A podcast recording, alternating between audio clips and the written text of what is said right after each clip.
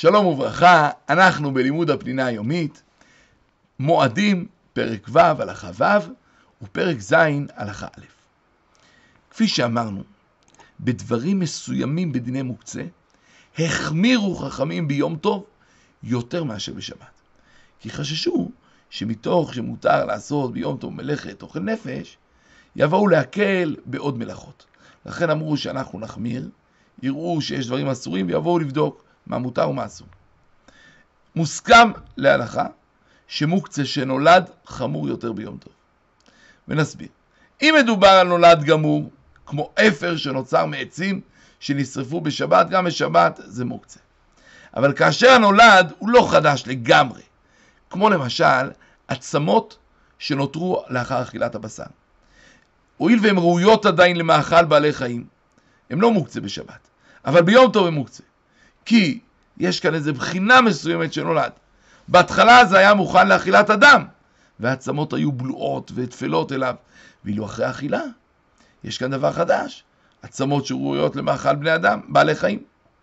לכן, מותר לש... לטלטל בשבת את העצמות שנותרו לאחר אכילה. ובאמת רבים נוהגים לטלטל את העצמות האלה כדי להביא אותם לכלבים או לחתולים, אבל ביום טוב אסור. אסור לטלטל אותם בשביל להביא אותם לבעלי חיים. מה כן מותר? להסיר אותם על השולחן כאשר הן לא נעימות ומלכלכות, וכמו שמותר להסיר כל דבר שמפריע לאדם. אלא שנחלקו הראשונים עד כמה מחמירים יותר ביום טוב. יש אומרים רק במוקצה של נולד מחמירים, ויש אומרים שכל דבר שאדם לא חשב להשתמש בו, אבל גם לא הקצה אותו לגמרי מדעתו, בשבת הוא מותר וביום טוב אסור. וניתן כמה דוגמאות פשוטות. דוגמה ראשונה, מי שיש לו פרה שנועדה לחלב או תרנגולת שנועדה לביצים, וביום טוב חזר בו ורוצה לשחוט אותם. לדעת המקלים אין בעיה, אתה לא הקצית את זה מדעתך לגמרי. אבל לדעת המחמירים, הדבר אסור, כי אתה לא חשבת על זה.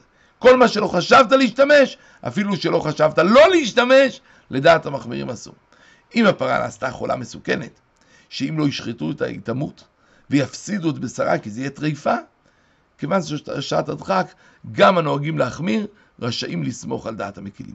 ניתן דוגמה נוספת, סיטונאי שיש לו במחסן מוצרי מזון, ובדרך כלל הוא לא לוקח את זה בשבת ויום טוב, כי אם הוא לפעמים לוקח, אז זה ודאי זה מותר. אבל הוא בדרך כלל לא לוקח, אבל הוא גם לא אמר שהוא לא ייקח. אז בשבת, אם יש צורך, יכול לקחת.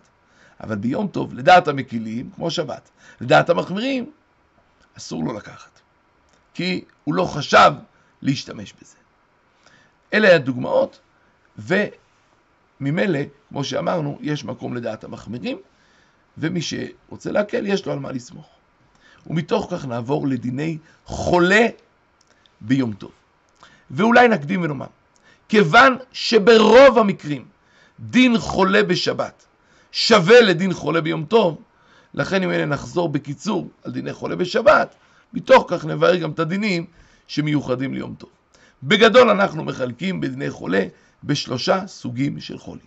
הסוג הראשון, חולה מסוכן, חולה שאנחנו קוראים לו פיקוח נפש, והסוג הראשון הזה זה ברור שיש את הכלל הידוע, פיקוח נפש דוחה את השבת, דוחה גם את המיום טוב, עושים למענו כל מה שרגילים לעשות בימות החול, שכל האיסורים נדחים כדי להציל את חייו. והסוג השני זה חולה רגיל, דהיינו חולה שנפל למשכב ולא נשקפת סכנה לחייו. אז עבור חולה כזה לא מחללים למענות השבת באיסורי תורה, אבל מותר לעבור על איסורים מדבר חמים לצורך רפואתו. לגבי יום טוב, נחלקו הפוסקים. האם מלאכות שמותרות לצורך הנפש, מותרות לצורך חולה? יש אומרים שכמו שהמלאכות האלה הוצרו לצורך אוכל נפש, ככה הותרו גם לצורך חולה שאין בו סכנה. אבל יש אומרים לא, רק כאשר מדובר בדבר שווה לכל נפש, וצורכי חולה זה לא שווה לכל נפש.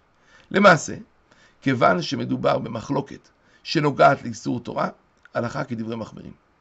וכל המלאכות שאסורות בשבת מהתורה, אסור לעשות אותן לצורך חולה ביום טוב. לכן אסור לבשל תרופה לחולה, אסור להעביר אש כדי לחטא מחט מחידקים, אסור לתת זריקה או עירוי לווריד, כי בנתינה שלהם יוצא דם, אבל דברים שאסורים דברי חכמים, כמובן שמותר לעשות אותם. לצורך חולה שאין בו סכנה, כמו שמותר לעשות אותם גם בשבת. ונסיים בשאלה,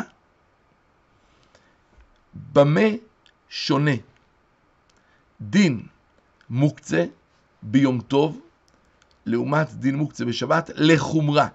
במה דין מוקצה חמור יותר ביום טוב משבת? שלום שלום.